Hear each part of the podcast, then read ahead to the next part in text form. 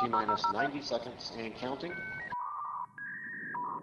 Welcome to the hub of cloud.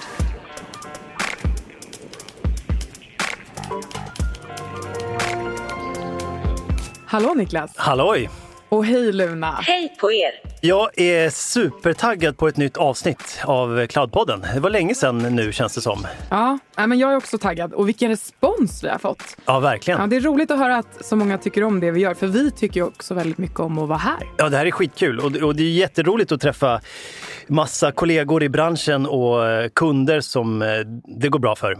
Och nu sitter vi här igen och vi ska prata IT-säkerhet. Rätt Ja. timing också eftersom att det är Cyber Security Awareness Month nu också. Alltså IT-säkerhet är ju sjukt intressant och ett himla brett område. Eh, det finns ju extremt många vinklar och, och extremt många åsikter och syn på hur man ska hantera sitt data eller sina klienter eller sina servrar eller sin cloudlösning eller vad det än nu må vara. Så att det, det är ett superstort område och vi ska väl försöka belysa en liten del i alla fall. Det som vi tror är viktigt och det som vi tror våra lyssnare kan vara bra tips för dem att ta med sig när man, när man tänker kring säkerhet. Är vi redo? Jag tror vi är redo. Då kör vi! Ja, då kör vi.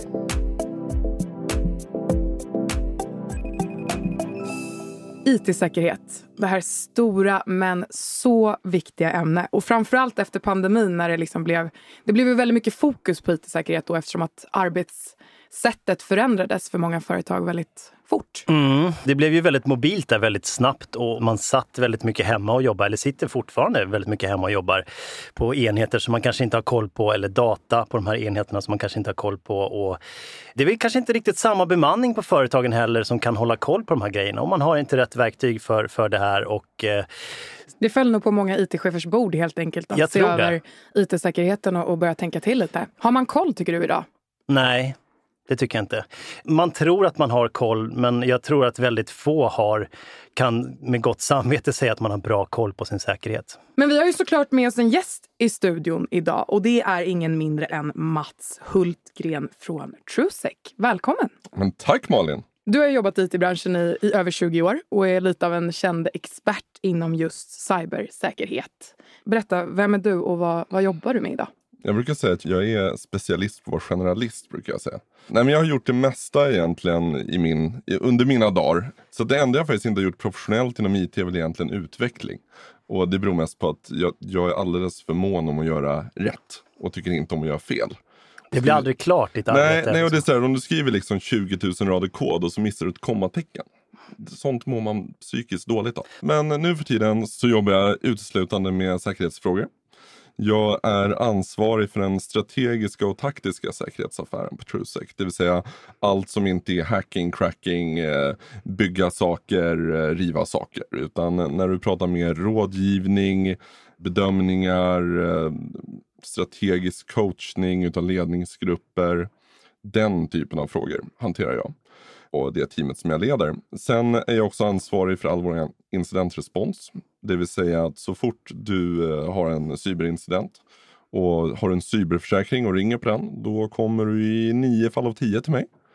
Men sen har jag också den fantastiska äran att få vara CISO för TrueSec-gruppen. Så att, eh, jag, jag har en del ansvar även på så sätt. Lyssnar på Cloudpodden.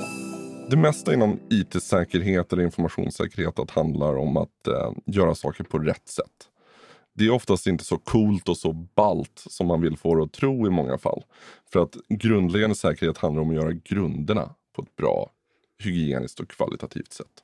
Har man gjort det, då har man kommit väldigt, väldigt långt på sin säkerhetsresa. Så lite kopplingen till det som Niklas var inne på, här, om man har koll på sin IT-säkerhet och han säger nej, och jag håller med. Men jag tycker också att det handlar my- mycket om att man har inte koll på sin vanliga IT-ops. Man har inte koll på de mest grundläggande förvaltningsfrågorna och därför lider säkerheten. Det här är ju, är ju någonting som bottnar i att man, man kan endast få en, en säker miljö eller en säker liksom, struktur kring det här genom tekniska produkter. Och det är inte alls det som säkerhet handlar om egentligen. Det är ett hjälpmedel för att hjälpa till att, att lägga på några extra lager på, på det här. Och mycket handlar ju om hur man hanterar information och vad man har för strategi och processer och hur följer man dem? Men du, du har ju de här klassiska fyra P'na. Produkter, du har processer, du har people, det vill säga människor och sen har du typ partners eller leverantörer. Alla de här fyra måste ju på något sätt gunga i harmoni med varandra för att du ska kunna få en kvalitativ leverans men också en säker leverans. Om man tittar från ett tekniskt perspektiv så, så många ser ju de, de tekniska verktygen som, som en del medan kanske en, en, en chef eller en säkerhetsansvarig på ett bolag ser det på ett helt annat sätt. Och där tror jag att man har, det är svårt att hitta den här förståelsen emellan den tekniska delen och den, den liksom ansvarsdelen i, i, eh, hos olika företag. Om vi tar valfritt svenskt bolag. Att man har sett ljuset när det kommer till IT per se. Man tror det. Okej. Mi- Min uppfattning är att IT går till exempel inte att jämföra med ekonomi. Ekonomi är en klockren given ström som finns i bolaget. Utan ekonomi funkar inte bolaget. IT är fortfarande så här, ah, det är en kostnadspost och ett, Ett nödvändigt ont. va? Ja. Så det har inte uppnått samma nivå som eh, HR eller ekonomi eller vad det nu vara. Om man inte har fattat poängen med IT än, att man ska förstå överkursen med IT-säkerhet. Nej, Det är ganska naivt. ja, det kommer inte hända. Nej, men när GDPR trädde i kraft så blev helt plötsligt nästan varenda IT-konsultfirma där ute IT-säkerhetsexperter. Mm. Och sen så påstod de sig vara det för deras kunder. Kunderna ser ju ingen skillnad på skogen och träden. Nej. Vad gör ert IT-säkerhetsexperter? Jo, men vi säljer det här antiviruset. Och den produkten kan vi. Då är man ju en produktspecialist. Liksom. Exakt. Ja. Men eftersom alla insåg att med GDPR så var helt plötsligt IT-säkerhet och informationssäkerhet viktigt. Ja. Och då var ju det platsen alla ville vara på. Och det där är ju någonting som jag liksom har sett från det andra hållet när jag är på Trusec. Att vi kommer till en kund som säger att ja, men vi jobbar med XYZ konsultföretag i branschen. Ja, och de hjälper oss med allt vårt säkerhetsarbete. Sen kommer man tillbaka typ ett halvår senare när de har haft en IT-incident. Och så säger man så här, okej, vilka jobbar ni med med IT-säkerhet? Ah, ingen. Nej, men vi pratades vid förut och ni, ja, nej, men de, de är IT-konsulter. Exakt. Och det här tror jag är en uppenbarelse som börjar gå upp för några. Och jag tror att det är viktigt att många IT-konsulter där ute börjar förstå att ja, de har en jätteviktig roll att spela när det kommer till IT-säkerhetsfrågor. Men de måste nog sluta utge sig själva för att vara experter på allt bara för att marknaden efterfrågar det. Är ett buzzword just då som man vill haka på för att skapa konsulttimmar och gig hos eh, kunder. Exakt. Problemet är att det är väldigt, väldigt farligt. Ja, och kan bli väldigt kostsamt i längden. Jag satt med en incident faktiskt när vi hjälpte just ett sånt här konsultbolag med deras kund som hade gått helt åt skogen. Och när vdn för det här kundföretaget spänner ögonen i vdn på konsultföretaget och säger att ja, bara så du vet att det här kommer kosta er väldigt mycket pengar. För det första ska ni betala alla deras räkningar. Sen så kommer ni få betala oss ännu mer pengar. Och så får vi se om vi inte drar er inför rätten. Och vad de egentligen hade gjort var att de hade bara försökt att hjälpa dem med IT-consulting. Men såklart i vanlig ordning gjort det den enkla vägen. Man hade använt domain-admin-konton för att göra ganska basala saker. Man hade då haft dåliga lösenord och så vidare. Och i ren oaktsamhet så hade en hotaktör kommit in och fått tag på miljön. Och på den vägen var det. Där vill man inte sitta. Läskigt! Du lyssnar på Cloudpodden. 2021 så pekar all statistik på att cyberbrottsligheten kommer gå om världens globala droghandel i omsättning. Och det här kommer vara den största monetära förflyttningen i modern historia. Ja, det är ju big business alltså. Det är, inte, Ja. det är ingen lekstuga. Nej, och där kommer nästa grej. Förut pratade du om allt ifrån script kiddies till cybercriminals till eh, cyberespionage och nation state och så vidare. Nu för tiden skulle jag säga att du har tonåringar som sitter och googlar och gör läskiga saker redan där. Men sen är det så att resten har fått tillgång till egentligen nation state cybervapen. För på grund av läckor från NSA, CIA och alla de här så finns det att ladda ner från liksom GitHub där du kan kompilera det här själv och använda. Och det gör att så fort du har en dålig intention, då har du liksom cybervapen som är utvecklade av en nation. Det har blivit en sån stor affär så att det är en extremt avancerad brottslighet. Det här är Enterprise-bolag som jobbar med bara kriminell aktivitet. Vi har varit med om företag som har fått så här nöjd kundundersökning efter ett angrepp. Typ så här, är ni nöjda med supporten ni fick ifrån vår helpdesk i samband med angreppet? Betygsätt oss. De har callcenters där de pratar flytande svenska. Det är inga konstigheter alls det här. De är också världens bästa due diligence crew brukar jag säga. Därför att de vet exakt vart dina hemligheter är. När ett angrepp sker på en miljö så brukar ju hotaktören köra egentligen mycket automatiska attacker. Men sen hittar de alltid några system där de lägger manuell tid. Alltså riktigt eh, handiworkmanship. Craftsman. Ja liksom. men verkligen. Här lägger de sin tid och energi på att logga in manuellt och sitta och verkligen jobba. Och när man jämför de två listorna så visar man dem för kunden. När kunden får se den här listan över manuellt hanterade system så blir de alltid askgråa i ansiktet. För det är här liksom de hemliga recepten finns. Eller det monetära överföringssystemet. Eller absolut känsligaste uppgifterna att de inte får läcka. Tio fall av tio så är de här servrarna berörda. Och jag kan garantera att datat är exfiltrerat i nästan alla fall.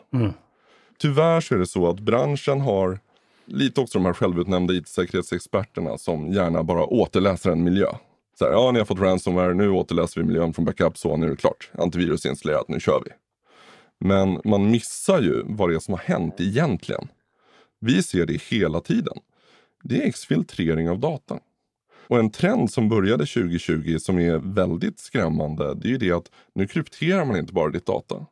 Nu gör man det och sen så när man hör av sig till dig säger man att by the way, vi har krypterat 20 terabyte av ert data som ni har märkt. Vi har även stulit det datat och vi kommer att släppa det publikt. Alternativt sälja det till era konkurrenter om ni inte betalar oss en schysst summa. Men betalar ni oss den summan, då lovar vi att vi kommer radera datat vi sitter på och så kommer vi ge er dekrypteringsnyckeln för att dekryptera det datat som är krypterat. Och så kan vi alla vara glada och nöjda. Och de här summorna, de är alltid, återigen, världens bästa due diligence crew.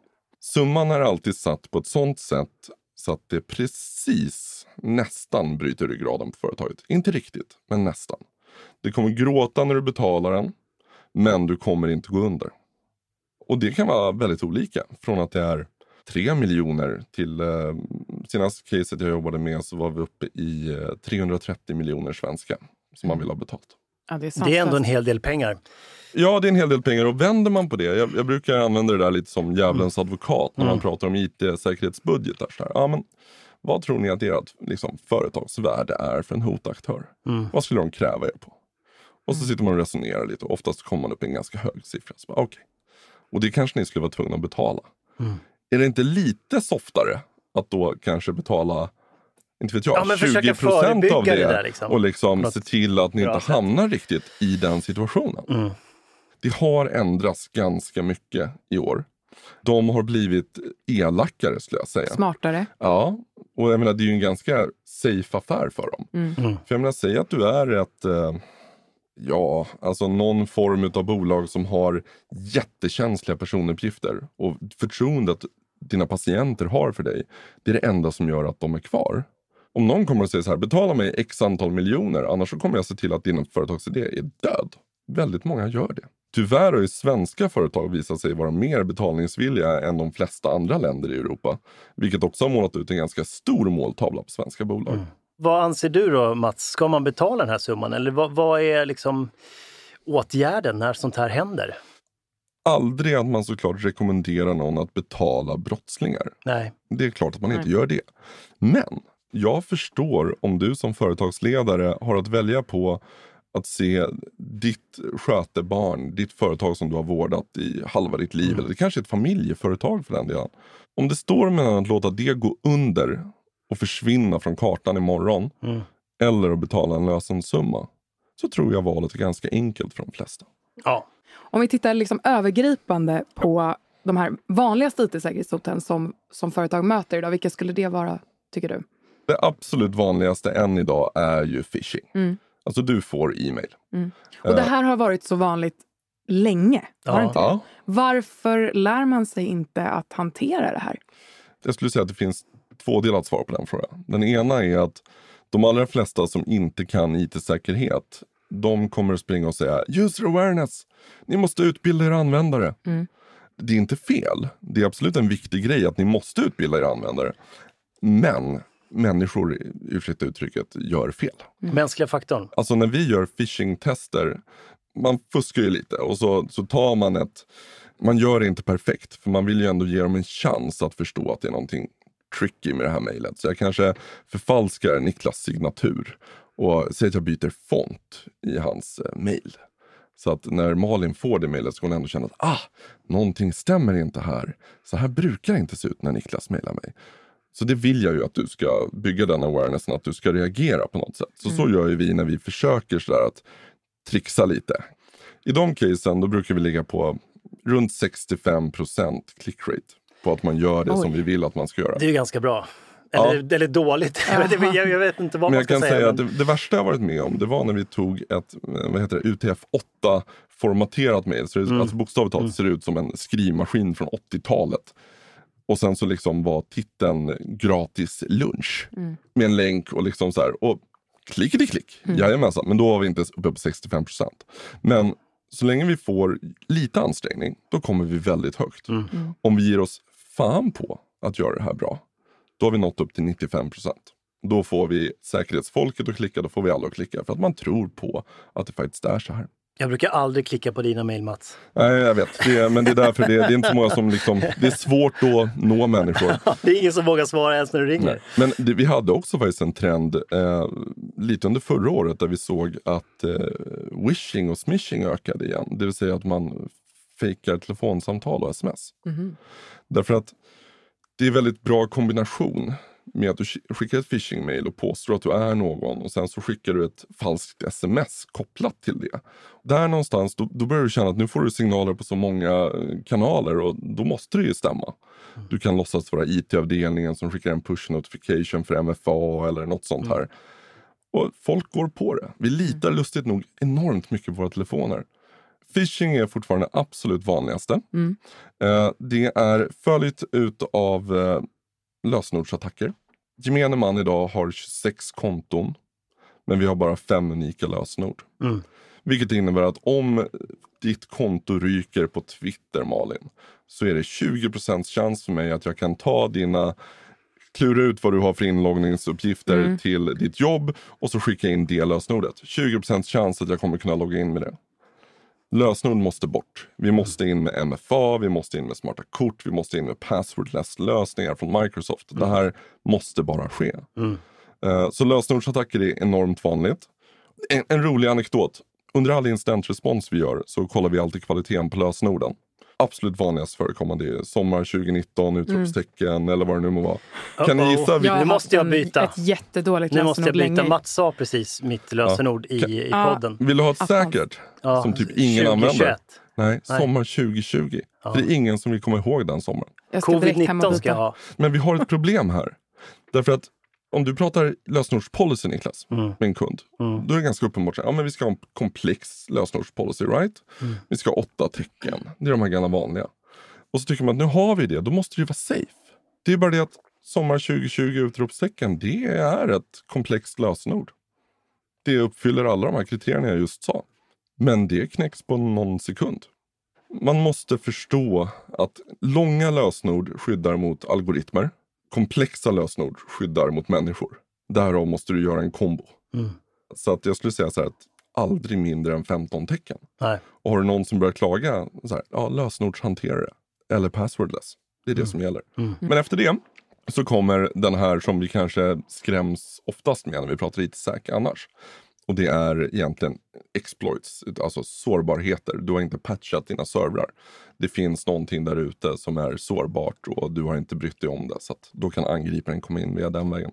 Från att Microsoft släpper en uppdatering som sker en gång i månaden. Då har du 72 timmar på dig att patcha dina servrar innan det finns automatiserad skadlig kod för just det. Det går att- extremt fort. Ja, hotaktörerna tar det här. De tar patchen, reverse engineerar den, ser vad den fixar så att säga. Och sen så har de skriver de färdigt automatiserad kod för den. Sen använder man en sån här sökmotor som typ Shodan. Och så stoppar man in det här farliga skriptet mot den och så bara trycker man och kör. Nu tycker inte jag att du ska lära våra poddlyssnare hur man gör det här. Vi vill inte vara någon form av Nej, maskin som sätter det här i Fast, fast rullning. vet du vad? Om man inte förstår vad det är man är up against, då kan man inte heller försvara sig. Du lyssnar på Cloudpodden. Jag var lite inne på det här innan gällande att man ska följa processer. Du har pratat Mm. om de här fyra P'na. Och en av dem där är så här, hur, hur kan liksom IT-processerna hjälpa till att, att stötta företaget i sitt säkerhetsarbete? Ansiktena på människorna i mötesrummet när man kom och skulle hålla ett föredrag om GDPR. Och så kom man in och skrev man på tavlan ITIL. Det, det var så här, det var fantastiskt kul. Alla bara, va? Nej, nej, vi ska prata privacy här. Ja. Absolut, men vi ska också prata IT-säkerhet, eller hur? Så artikel 32, vi ska säkerställa behandling av personuppgifter. Vi ska skydda konfidentialitet, tillgänglighet, integritet och motståndskraft. Det här är det vi måste göra för vår personuppgiftsbehandling. ITIL är operativa IT-ops-processer, right? Så att hur vi gör saker på rätt sätt, hur vi hanterar att det går fel, hur vi löser storskaliga problem, etc. etc. Med eftertanke, glöm ej. Och eftertanke är en väldigt, väldigt stor poäng för säkerhet. Om du bara har en IT-avdelning som skjuter från höften, det är lite Hollywood, det är lite vilda västern, rock'n'roll. Saker och ting kommer att vara inte så bra. Så att jobbas på ett strukturerat och systematiskt sätt, vilket ITIL faktiskt får det att göra, det är en förutsättning skulle jag säga för bra IT-säkerhet.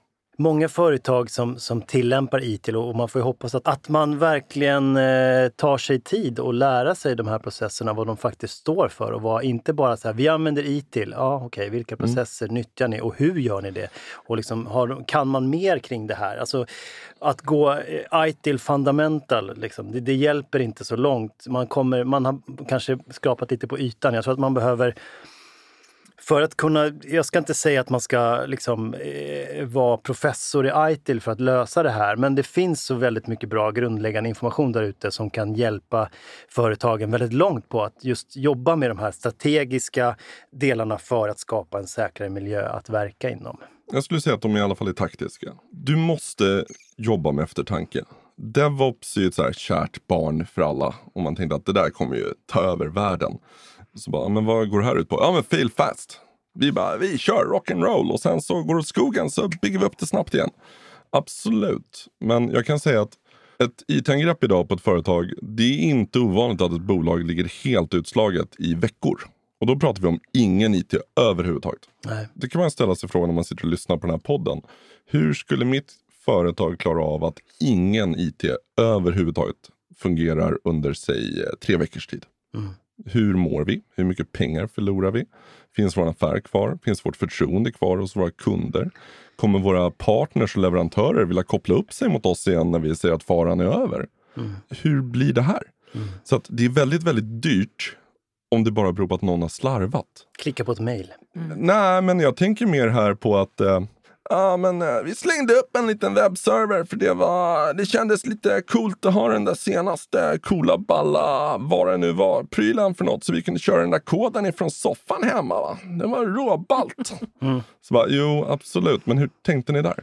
Så att om man jobbar med DevOps då måste man tänka på att man måste jobba med DevSecOps. Alltså du måste ha säkerhet i fokus hela tiden. Mycket av det här är inbyggt i trögheten i ITIL. Men när du jobbar med liksom ett utvecklingsstyrt eh, team så går det fort. Och ja, man är med på att det får bli fel, för det är lite en del av processen. Men vissa grejer får inte bli fel. Sånt som är exponerat mot internet eller som är exponerat mot kritiska system. Där vill man nog ha lite mer eftertanke. Så där måste man på något sätt försöka hitta en liten mischmasch mellan de här två förhållningssätten. Luna, lever du fortfarande eller? Nej, jag hinner inte med. Mats pratar hela tiden. Ska se om vi inte kan hacka Luna tänkte jag. Uh, här kan vi göra Hon har inga. API-er, hon är helt avskärmad. Ja, hon nu är, måste hon, du är, in hon, i plastmolekylerna. hon är old IT. Men sluta, lägg av. slow and old Hon IT. snurrar på någon sån här AS400. Inte ens det. Bandrobot. På Cloudpodden. Många IT-chefer uppger ju att brist på förståelse från företagsledningen är det största hindret för att komma till rätta med säkerheten på bolag. Varför är det så här när man vet vilka risker som finns om man faktiskt inte investerar i IT-säkerhet? Därför oftast skulle jag säga för att man inte investerar i IT. Mm. Alltså det är oftast en 1 till 1 liknelse däremellan. Jag har ingen jättebra förklaring förutom att tittar vi i ledningsgrupperna idag, vad har människorna som sitter där för utbildning? De är jurister, de är ekonomer. Det är de två främsta, right? Jag ser inte jättemånga så här risk management-människor eller Nej. riktigt tunga IT-profiler som verkligen fattar grejen. Mm. Sorry. Alltså, i, I bästa fall så har ledningen nu börjat inse att IT är så viktigt så man tar in en sån profil. Och så hoppas man att man på något sätt ska övertyga sig själva om att man ska lyssna på den här personen också. Jag har ju träffat många av de här IT-cheferna som kanske sitter i, ledningsgruppen och sådana saker. Och det är inte IT-säkerhetsdelen som, som driver ledningens intresse för att ta med IT, utan det är som så här, hur kan vi bli mer effektiva nu när det börjar bli, när vi ska ta databaserade beslut och sådana saker. Så det är tekniken snarare som har drivit det, inte så här, okej, IT-säkerhet är viktigt att ha med, utan det har varit ur andra aspekter. Men det är i alla fall en början. Ja, ja visst, Så det är menar, det är ju jättebra. skitbra. Jag tycker att man, att man, måste, man måste nog nästan börja i andra änden och tänka IT-säkerhet och titta på, okej, vad behöver vi göra inom IT för att vi ska kunna ha en datadriven eh, beslutsfattning, de här tjänsterna som vi har, klarar vi oss med det här? Eller måste, behöver vi investera i någonting? Behöver vi genomföra några andra så här, informationsklassificeringsprojekt som många glömmer bort? Och det, det finns massor med... Nej men absolut. Och jag skulle säga så här, det finns, det finns två typer av IT-säkerhetschefer där ute.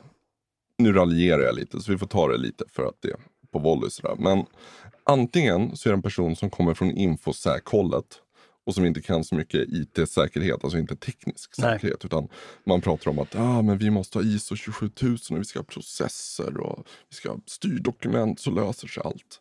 Eh, eller av någon anledning så är det tekniker som kommer från nätverkssidan Mm. och säger vi ska ha brandväggar och switchar. Mm. IPS, IDS, nu är världen lugn.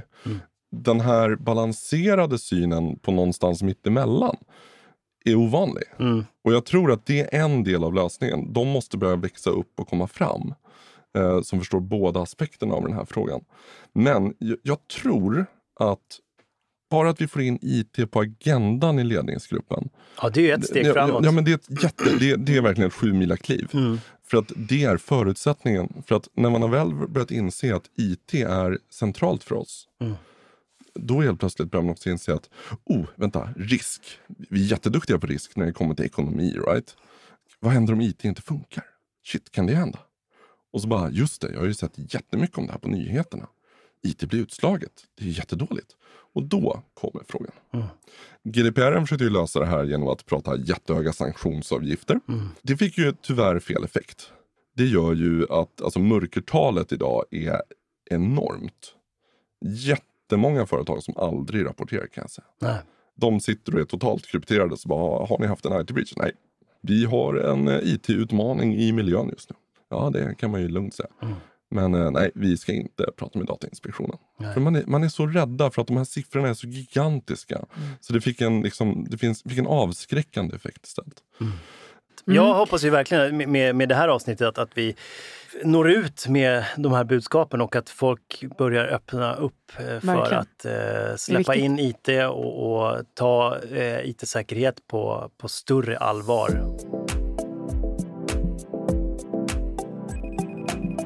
Vi måste prata cloud också. Ja, det måste vi göra. Och det måste vi ju såklart göra, för det här är ändå Cloudpodden. Mm. För mo- molntjänster har ju fått en rejäl skjuts de senaste åren på svenska företag. Och det har ju gjort att många it-säkerhetschefer ser molnet som en potentiell säkerhetsrisk. De är ju rädda för kapade molnkonton nu de kommande åren. Är det här en risk? Är det någonting man liksom bör oroa sig för? Det är väl klart att eh, det är en risk precis som allting annat. Jag förstår den inte helt. Eh, men- Men här måste vi göra lite som när jag pratade med Niklas häromdagen. Man måste göra en skillnad på vad som är security och vad som är privacy här. Och vad som är lagrummet.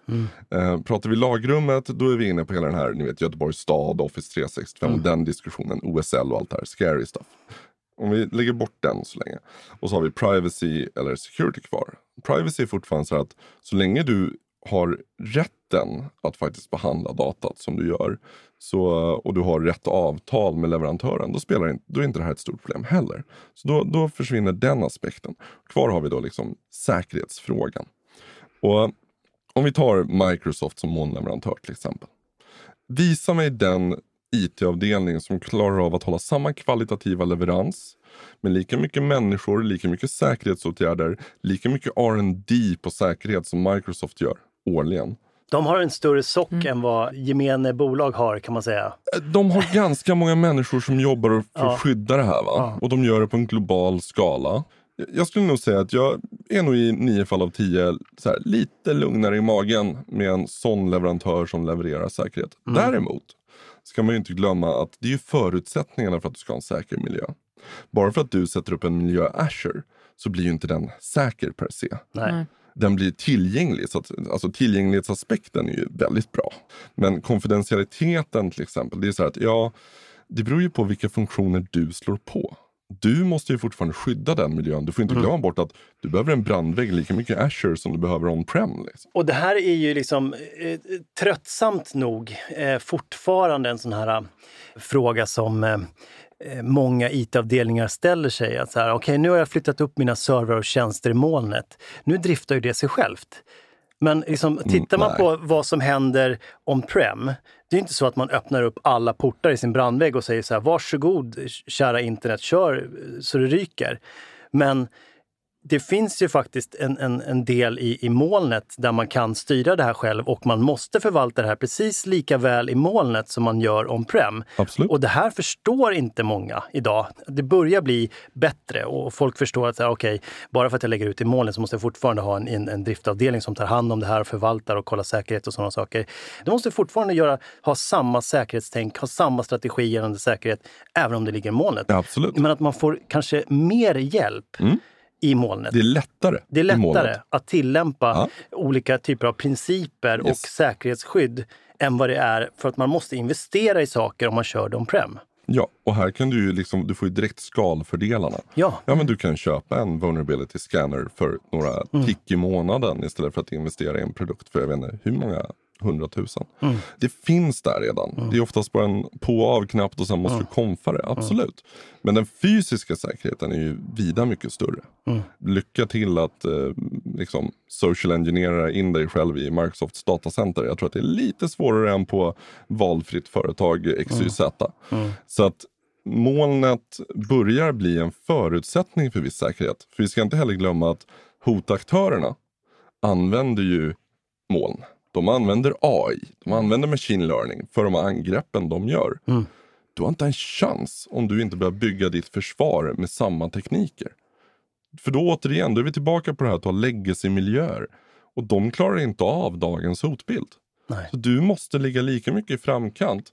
Jag brukar säga att du behöver inte vara bleeding edge. Du behöver liksom inte vara och hoppa på den senaste beta-versionen av någonting. Men vi pratar väldigt ofta om get current and stay current. Alltså du måste upp på gällande OS, gällande mjukvaror, gällande firmwares, alla de här grejerna. Och du måste göra grunderna. Det, och det är ju allt ifrån det du är inne på, förvaltning, det är åtkomstkontroll, det är backuper, det är eh, malware-skydd. Det är en hel hög med grejer. Loggning, kom igen. Ni måste logga saker. Gör någonting rätt, så logga och ta backup rätt. Snälla, då gör ni mitt liv mycket lättare. Loggning är någon som, alltså om man tittar på, på, på kunder som fortfarande kör on-prem så det är 99% frånvaro på, på loggningen kan man säga där. Ja, om, om inte nästan mer. Ja, jag vill, jag vill inte säga det men Nej men så här, det är två saker som har slagit mig eh, de här senaste åren när vi jobbar med incidentrespons. Och de skrämmer mig lika mycket varje gång. Det första är backup. Man kommer ut och så bara, ja det här var ju inte bra. Uh, vi har backuper. Ja ah, men gud vad bra. Men då, då ska vi nog kunna fixa det här på någon vecka eller två. Uh, mina backuper funkar inte. Vadå funkar inte? Ja, men alltså, jag har tittat på den här konsolen i år och det är en, det är en grön checkbox. Liksom. Den funkar. Okej, gör du inga återläsningstester? Jo, jo, jo. En gång i månaden så läser jag ut några enstaka filer och ser att de funkar. Har du inte gjort ett fullständigt återställningstest med alla integrationer med alla system kopplat till det här? AD, Disaster Recovery, när gjorde du det senast? Det har vi aldrig gjort. det vågar vi inte. Nej, det vågar är vi farligt. inte. Och det är så här, okej, så backa, er backupmodell är bara att glömma. Och sen alla började göra backup till disk. Så är det så att ja, då når du ju backupen från servern där du sitter. Mm. Och då når också hotaktören backupen och kan förstöra den. Mm. Så backupen måste vara immutable från det stället den är. Samma sak gäller för loggarna. Loggning får inte finnas på bara den servern där den skapades. Nej. Den måste iväg någon annanstans. Den måste skyddas. Har du något bra tips där Mats på verktyg för att logga? Det finns ju alltså massor med, med olika verktyg, men, men du har ju säkert sett ett antal och kanske kan rekommendera. Jag tänkte säga så här att använd de verktygen ni redan har. Det vill säga det som finns inbyggt i operativsystemen. Mm. Men jobba lite smartare. Mm. Börja, alltså ett typexempel. Ta backup på loggar. Alltså ett, ett angrepp idag oftast förekommer obemärkt i runt 100 dagar beroende på bransch. Mm. Så du måste ha loggning minst 100 dagar bakåt i tiden. Gäller det även backup? Jag vet att så här, många slår på den här standard backupen när man går upp till Azure och säger man så här, med 14 dagars retention, det är Ja. bra. Absolut, och då Ja. hamnar du bara i en jobbig sits. För att när jag säger att okej, vi vet nu om att hotaktören har varit inne i en miljö i nio månader. Mm. Det vill säga alla backuper du har innehåller hotaktörens alla bakdörrar. Mm. Även om du har en backup och kan återläsa den, då måste ju vi gå in med våra forensiker och göra rent det här på liksom mikronivå. Mm. Eh, Det är mycket lättare om du har en längre backup. Nu funkar inte alltid det såklart, Nej. för att affärsdata måste vara ganska current och så vidare. Men tillbaka till loggningen. Tipset är spara loggarna och ta backup på dem. Mm. För så länge jag kommer in med mitt team och vi säger att vi vill ha loggarna för nio månader sedan. Och vi säger absolut, men de ligger i ett bergrum, vi, vi får hit dem imorgon liksom, på tejp. Ja men det är fine. Det, det är mycket bättre än svaret, nej de är överskrivna och de finns inte längre. Aj fan. Och det blir dyrt. Man ska, Ja. inte, man ska inte underskatta, alltså många loggar små Mm. bygger stort berg. Eh, det blir fort stora mängder data som du bara har av en anledning. Och det är en, eller två anledningar, två anledningar. Compliance, kunna påvisa vem som faktiskt gjorde någonting när. Och om det händer ett intrång, exakt vad har hotaktören gjort? Och bara för att förstå varför det är så viktigt är för att man måste veta allt som har hänt sedan hotaktören kom in i miljön. Så var det nio månader sedan. Då måste vi kartlägga varenda litet steg de gjorde under nio månaders tid. Är det att- audit-loggar som är... Yes, auditloggar, diskloggar, minne. Så att för guds skull, stäng inte av saker. Eh, de flesta attacker idag sker i minne, skrivs inte till disk. Så fort du startar om något eller stänger ner det, då rensas minnet och så är all den informationen borta och vi kan inte veta vad de har gjort. Men när vi har kunnat kartlägga varenda litet steg de har tagit, då kan vi också ta bort alla bakdörrar som de har stoppat in i miljön. All skadlig kod och vi kan dessutom berätta för polisen, Datainspektionen, jurister, alla som nu är intresserade av att veta eh, exakt vad hotaktören gjorde och vad man kopierade och vad man nådde för information. Så att loggning är kritisk och tyvärr enormt underutnyttjat. Om jag nu som it-chef sitter här med säkerhetsstrategin framför mig, vad är det första steget? Eller vad är det jag ska liksom prioritera? Börja göra de mest grundläggande grejerna, det vi pratar om i början. Alltså grundläggande hantering av IT och säkerhet. Det, det hänger ihop. Men jag vill lägga till en sak och det var det jag skrev på LinkedIn idag. När du har ett hus där du inte har lås i dörrarna, fönstren är vidöppna, gud vet inte allt, det är ett stort hål i väggen. Under tiden det tar för dig att fixa det här, se till att köpa in en säkerhetsvakt som går runt och vaktar. Så att jag skulle säga säkerhetsmonitorering dygnet runt, året runt på miljön under tiden du håller på och bygger upp den här skyddsförmågan så att säga. Och då pratar jag inte om att du har en helt vanlig, eh, ni vet, så här helpdesk-övervakningscentral eller att du får mail när någonting händer. Utan nej, här behöver man koppla på ett riktigt Security Operations Center. Experter som sitter och tittar på miljön dygnet runt, året runt. Angrepp går så fort idag. Det tar värsta fallen vi har sett minuter innan det liksom har gått för långt. Väldigt vanligt scenario är att det smäller på fredag eftermiddag, på måndag morgon så är hela miljön krypterad. Har du inte då människor som jobbar dygnet runt även under helgen, då kommer du missa det här. Julafton, jättevanligt. Man måste ha den typen av säkerhetsövervakning. För har man det, då kan man i alla fall känna sig lite lugn i att okej, nu kan vi göra det här på ett lugnt och kontrollerat sätt. Vi behöver inte stressa så att säga. Plus att man kanske kan få en riktning. Så här, vad ska vi prioritera först och vad ska vi, vilken, liksom, va- vart har vi de största behoven av att applicera säkerhet? Absolut, och det pratade vi lite om. Eftersom vi vet de största ingångarna i företaget, då är det de vi måste säkerställa. Men det är verkligen så att ta hjälp av en riktig säkerhetspartner. Eh, och jag ska inte blow my own horn på det, men det är fortfarande så att det är skillnad på bolag och bolag. Eh, man får inte samma råd från liksom ett IT-konsultbolag och ett IT-säkerhetsföretag. Det är skillnad. Eh, Däremot så tror jag att många IT-säkerhetsföretag måste bli bättre på att prata verksamhetsnytta. Mm. Alltså, du kan inte bara säga att du ska bygga jättehögre staket och liksom slänga miljoner pengar på säkerhetsprodukter. För det är, inte, det är inte hela svaret. Nej. Det, då når du aldrig ledningens hjärta som vi var inne på förut. utan Nej, de säger bara du... att det kommer att kosta pengar. Exakt. Här måste du prata om verksamhetsnytta. Alltså jag älskar single sign-on som är så här typexempel. Multifaktor autentisering. Saker som ger verksamhetsnytta för användarna kanske inte behöver komma ihåg ett lösenord längre.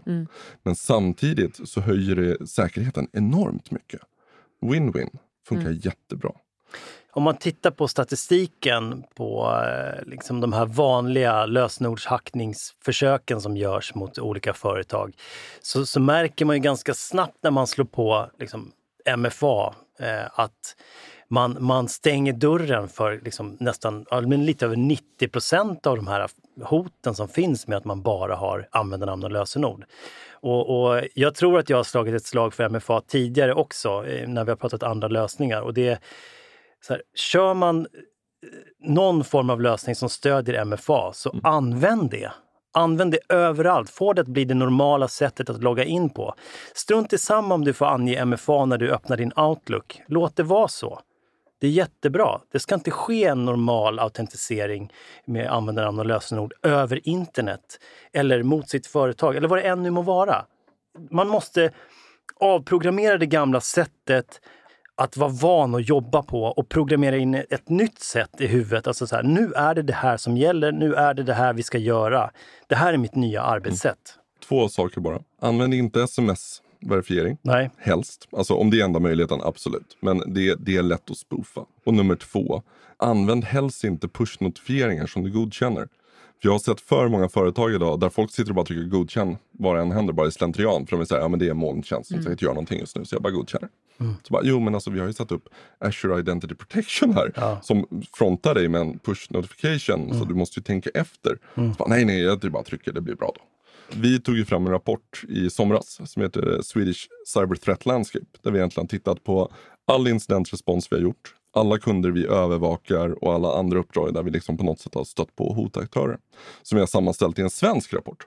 Så Finns den att nå någonstans? den finns att nå någonstans. Ja. Jag tänkte att vi kanske har, har, vi, faktiskt- har vi länkar eller något? Vi länkar den Ja. i, i avsnittsbeskrivningen. Mm. Där kan man hämta den här rapporten och läsa mer om det. För menar, där ser du ju då att 20% av attackerna kommer du faktiskt att ta bort med MFA. Mm. Så det är bara en sån här typ grej. Så det är väl en jättebra sak om du sitter som svensk IT-chef idag och undrar vad är hotet egentligen? Läs den rapporten, för den är ju skriven just för den svenska marknaden. Ja, Bra jättebra. tips Mats. Cyberkriminella blir ju smartare och smartare. Hur kommer det se ut i framtiden? Hur kommer företag kunna stå redo för det här? Jag har tyvärr inte sett någon stor push ifrån IT-communityn än. Att börja liksom fatta poängen. Att man måste börja göra saker rätt från början. Jag tror att det kommer. Det enda vi vet om eh, hotaktörerna är att de blir bara bättre. Vi måste också bli bättre. Vilket innebär att eh, när man säger så här att ja, men security is everyone's responsibility. Ja, och det är det faktiskt. Men jag är lite upprörd över att det mörkas så mycket i samhället. Vi brukar säga att det är lite av ett socialt ansvar att berätta om man har blivit utsatt för någonting. För att så länge det finns en skämskudde i att vi har blivit hackade eller det här har hänt och folk börjar mörka, då, då förstår inte allmänheten hotbilden heller. Jag är fortfarande jättefascinerad över att vi inte kan se mer på nyheterna. För när, när jag pratar med vänner och bekanta och de får en insyn i min vardag så är de så här, men gud hur orkar du? Alltså, jag blir, jag blir rädd bara, bara vi sitter och tar en kaffe liksom, när jag börjar förstå hur illa ställt det är. Jag brukar säga det, ja, alltså det, är ett, det är ett fullskaligt digitalt krig där ute. Sverige är inte oskyldiga heller ska vi Nej. veta. Men Och- är det så att man som företag liksom bara backar och, och ser bort från det här och liksom ignorerar sanningen? Eller väntar man tills äh, vi gör det här imorgon? Vi, Man vi, riskar. Mm. Jag skulle säga att det, man tar väldigt mycket affärsrisk och säger att varför skulle någon hacka oss? Mm. Och det man inte har förstått är att det är inte så att hotaktörerna går runt med ett ljuster liksom och hittar ett företag och säger haha, er ska vi ha. Alltså de allra flesta attacker idag börjar med jättekampanjer. För mig att köpa en mailadresslista med liksom 300 miljoner mailadresser, det, det kostar nästan ingenting och det är gjort i ett nafs. Sen skriver jag ett schysst mail på engelska of, of, oftast och någon länk eller någon bilaga eller någonting. Skickar den här på 300 miljoner adresser. Jag sa ju förut procentsatser, men om vi säger att den mest vanliga siffran är någonstans runt vadå, 15 procent som klickar. Det blir ganska många om man Det blir på... ganska många. Så att vad som händer är att tänk er stora liksom, oceantrålare som bara åker fram över internet och fångar varenda fisk som simmar förbi.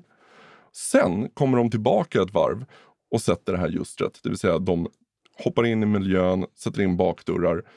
Sen åker de runt i sakta mak, samlar ihop alla de här fiskarna, börjar väga och mäta dem och ser så här att Jaha, det är det här företaget som vi är inne hos.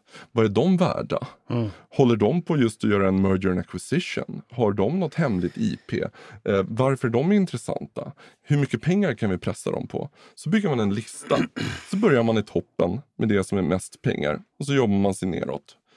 Och det här är, det här är business. Det är Så att- nya, nya börshajarna liksom, som, Ja. som sitter och tradar eh, liksom, bolag mellan varandra. Så det kommer helt enkelt bara bli värre. Så vi måste bara stå redo. Ja, men jag tror att vi måste börja förstå hotbilden vi Ta det på alla allvar. står inför. Så det är tillbaka till att patcha era servrar. Se till att ni har era IT-processer på plats. Ta era backuper så att de inte går att påverka. Alltså de här jättegrundläggande grejerna. Logga, logga, logga. Se till att ni har säkerhetsövervakning så ni ser om någonting händer. För ju fortare ni kan nypa det, desto mindre blir skadan. De flesta angrepp då hinner oftast inte utvecklas till ett riktigt breach. Och är det så att det händer, ring någon som vet vad de gör. För att det är väldigt kritiskt de första timmarna. Det är så avgörande när du börjar förstöra saker genom att du börjar ta bort backup eller börjar återläsa backuper och starta om system. Och, Ja, då har man liksom missat en del i utredningen. Liksom. ja, och du kommer aldrig få tillbaka det. Nej. Så att det är väldigt viktigt att prata med rätt personer. Sen tror jag att någonting som kommer bli mer och mer vanligt är cyberförsäkringar. Men en viktig grej där som vi ska komma ihåg är att cyberförsäkringar är inte jättenytt. Det här har funnits i ett gäng år. Men det har också gjort att nu har de här försäkringarna börjat falla ut väldigt mycket. Så att försäkringsbolagen börjar bli väldigt eh, noggranna nu med att du har gjort rätt saker för att du ska få en utbetalning. Så att allt det här vi har pratat om, det är en förutsättning. Exakt. Du lyssnar på Cloudpodden. Cyberförsäkringar tror jag också är en sån här intressant grej eh, att eh, titta på. Eh, och det behöver inte, många tror att det är så här snordyrt. Det behöver inte vara det. Det beror lite såklart på hur stort värde du ska försäkra och så vidare. Men det hjälper dig med, med en hel del saker. Delvis så får du ju stilleståndsskydd och såna här saker. Men du får också rätt till att ringa en first responder. Men du får också hjälp med PR. Alltså hur ska du hantera media när det här händer? Och du får juristhjälp. Så att du får liksom ett nummer att ringa när det bränner till och du får experthjälp på alla områdena som du behöver. Kan det här bidra till att fler bolag går ut med att de har blivit hackade? Alltså jag tänker på om det finns en PR-del i det här, att man faktiskt vågar säga det. Jag vet ju att är man ett börsnoterat bolag så kanske man inte man vill säga att man är hackad. Då kanske man döljer det en stund tills man märker att det finns möjlighet, alltså möjlighet för oss att komma tillbaka inom en snar framtid. Tittar du på Norsk Hydro och du tittar på Adtech i Sverige till exempel. De gick ut och sa att nej men vi, vi är under angrepp, vi har blivit krypterade. Aktien störtdök, absolut. Men så fort de kom tillbaka till marknaden och sa att nu är vi igenom det här och vi är starkare än någonsin. Vi har tagit vårt ansvar, alltså vi har gjort allt det vi ska, vi har byggt upp en ny miljö, vi har stärkt den och så vidare. Gick tillbaka och All över. time high. Ja, exakt. Båda fallen. Hur man hanterar PR är jätteviktigt. Men jag tror inte, helt ärligt, att man tjänar på att mörka. Nej. För hur stor är risken att det på något sätt inte kommer fram ändå till slut? Ja. Får en ransomware-attack, hur lätt håller du undan det faktumet för alla medarbetare? ja, det är svårt. Vi slår helt enkelt ett slag för att faktiskt våga prata om det här mycket Ja. mer. Nej, men det, jag tror att det är ett samhällsansvar för Ja. alla inblandade att faktiskt För att vi få ska bli starkare och bli awarenessen bättre i det här. i Ja, nej, Mm. men verkligen. Och det är någonting vi måste coacha våra kunder också förstå att det finns ingen skämskudde i att bli utsatt för det här. Vi kanske ska säga att vi inte ska vänta till sista minuten utan faktiskt börja investera i att se över sin IT-miljö och säkra den. Du, du har mycket mer att tjäna på det än vad du har att förlora i alla fall. Sen gäller det att göra rätt åtgärder vid rätt tillfälle, såklart. Och det gäller att ha en strategi, det gäller att ha en genomtänkt plan. Men det gäller att använda rätt människor, rätt produkter, rätt partners, rätt processer. Jättebra tips. Får jag ge ett sista litet tips? Ja. Den 12 november så kör vi på TrueSec någonting vi kallar för Tech Insights. Så vi kör en hel dag med bara demos, tv-studio, prata med experter och prata just om hur man skyddar sin miljö. Hur en angripare angriper och vad man måste tänka på. Så egentligen, vi kan säga så här, en liten djupdykning i det här vi har pratat om nu. Och det är som sagt varit helt kostnadsfritt. Mm. Tech Insights. Eh, Tech Insights. Men Cloudpodden var först. Cloudpodden är först. Ja. Men du får lova att inte kryptera Luna. Nej, det får du inte göra.